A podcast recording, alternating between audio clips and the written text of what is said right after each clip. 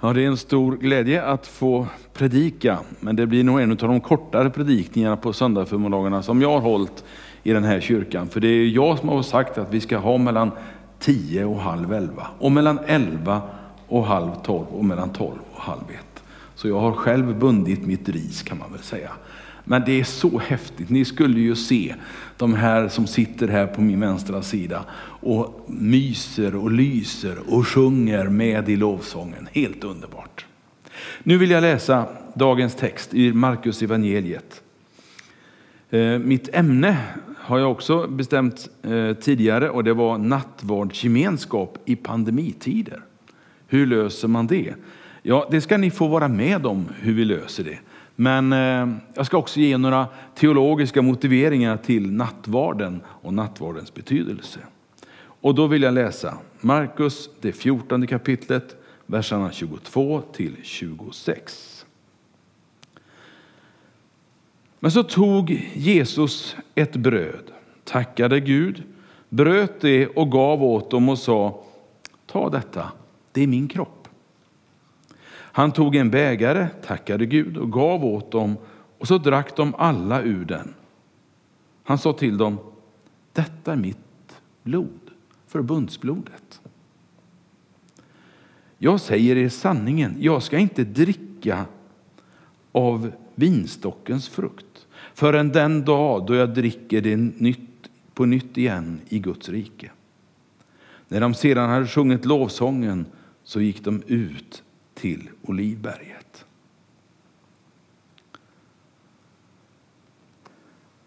Jag tror inte att lärjungarna förstod vad han gjorde och vilken betydelse det skulle få för världen och inte minst kyrkan och de kommande lärjungarna. Jesus visste vad han gjorde, det tror jag. Han förstod vad viktigt det här var för sammanhållningen och gemenskapen i kyrkan. I vår vision så står det om nära Jesus, nära varandra och nära världen. Och det här är nära Jesus, väldigt nära. Det här är nära varandra det handlar om.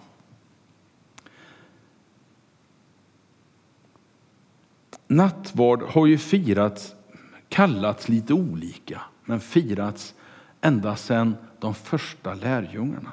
Ända sedan den första församlingen. Ibland varje söndag och ibland lite på andra tider och på andra dagar. Den första nattvarden firades egentligen till minne av Israels folk som lämnade Egyptens plågor och förtryck. Det var orsaken till att Jesus träffade sina lärjungar i rummet och hade förberett en måltid. För man skulle minnas hur man lämnade för så många år sedan lämnade Egyptens land och slaveriet där. Man undslapp den sista plågan genom att man tog blod ifrån ett djur och strök det på dörrposterna. Och sen dess så har blodet, och faktiskt innan också, men det blir så tydligt i uttåget, att blodet hade en stor betydelse för människors befrielse, för folkets frihet, för din frihet, för min frihet. Men då är det inte blodet av ett lamm, ett djur, utan då är det blodet ifrån Herren själv. Då är det Jesu blod vi talar om.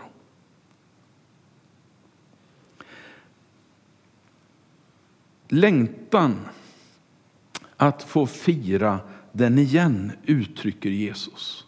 Han vet att han går döden till mötes. Han vet att han kommer att lämna lärjungarna, lämna jorden, fara upp till himmelen. Men han säger, jag längtar efter att få fira det tillsammans med er igen. Och det löftet det har vi kvar. Det är inte uppfyllt än. Vi tror att han kommer tillbaka, ungefär på samma sätt som han lämnade oss. Exakt hur, det har jag ingen aning om och vet du, jag bryr mig inte. Jag bara vet att han kommer. Han kommer för min skull, han kommer för din skull. Och då, när han kommer, så kan vi få vara med om ett nattvardsfirande där det inte är åtta max. Tro mig. Jag kan, inte, jag kan inte ens tänka mig hur många människor det blir. Men det blir otroligt mycket folk. som alla kommer för att minnas det han gjorde. För att minnas korsets hemska upplevelse för Jesus, men räddning för mig och dig. Jesu längtan var nog både innerlig och hjärtlig. Och gemenskapen de hade, de här som möttes, det var de tolv och det kanske var några fler som var med i den här kvällen när Jesus eh, instiftar nattvarden. Jag tror att Jesus förstod ensamheten som skulle komma. Han förstod att det här var egentligen sista tillfället han hade tillsammans med sina lärjungar. Han förstod att efter det här blir det bara jobbigt. Det blir bara ångest, det blir bara slag och hån och spott och spe och falska anklagelser och ett kors där jag får ge mitt liv. Det var det som rörde sig i Jesu tankar. Så jag tror att för honom var den här gemenskapen väldigt speciell. Och alla kan väl känna behov av gemenskap. Och inte minst det här året som har gått. När vi har eh, uppmuntrats till ensamhet. Där vi har uppmuntrats till att ha så lite gemenskap som möjligt med andra utom den egna familjen i princip. Men jag tror också man kan uppleva en viss ensamhet mitt i en kyrka, mitt i en församling, ja, mitt i vilken gemenskap som helst kan man uppleva ensamhet. Men här tror jag att nattvardens gemenskap kan överbrygga en del utav det. Sen har vi mycket att göra när det gäller gemenskap. Att ta hand om varandra, att vara rädd om varandra, att, att försöka prata med varandra så att alla känner sig delaktiga. Men det är vår del. Det Herren har gjort det är att föra oss samman kring ett enkelt bord med lite dryck och lite bröd. Och så har han sagt, jag ska själv vara där. Jag ska vara där mitt ibland er. Och ni ska få uppleva en gemenskap som går utöver det man normalt talar om gemenskap. Grunden sa jag till den här eh, upplevelsen, det är alltså det nya förbundet. Och det där skulle man kunna ha en bibelstudievecka om, har jag en känsla av, vad det innebär. Men i princip så ingicks förbund mellan Gud och sitt folk Israel under Gamla testamentets tid. De förbunden bröts på olika sätt av folket. Och det stod klart att det behövs ett stadigare förbund. Ett förbund direkt från Gud in i människors hjärtan. Direkt från Gud in i dig och mig. Inte via en massa olika institutioner. Så därför när Jesus ger sitt liv på korset, när kroppen bryts ned, så är det som att det nya förbundet tar sin start i Jesus. Och när du och jag anknyter till honom så blir det just en del av det nya förbundet. Blodet som rann där på korset har samma markering. Syndens makt är bruten i ditt liv, i mitt liv, i vår gemenskap. Här regerar Jesus Kristus. Och nu har jag bara några punkter kvar i min tredje punkt.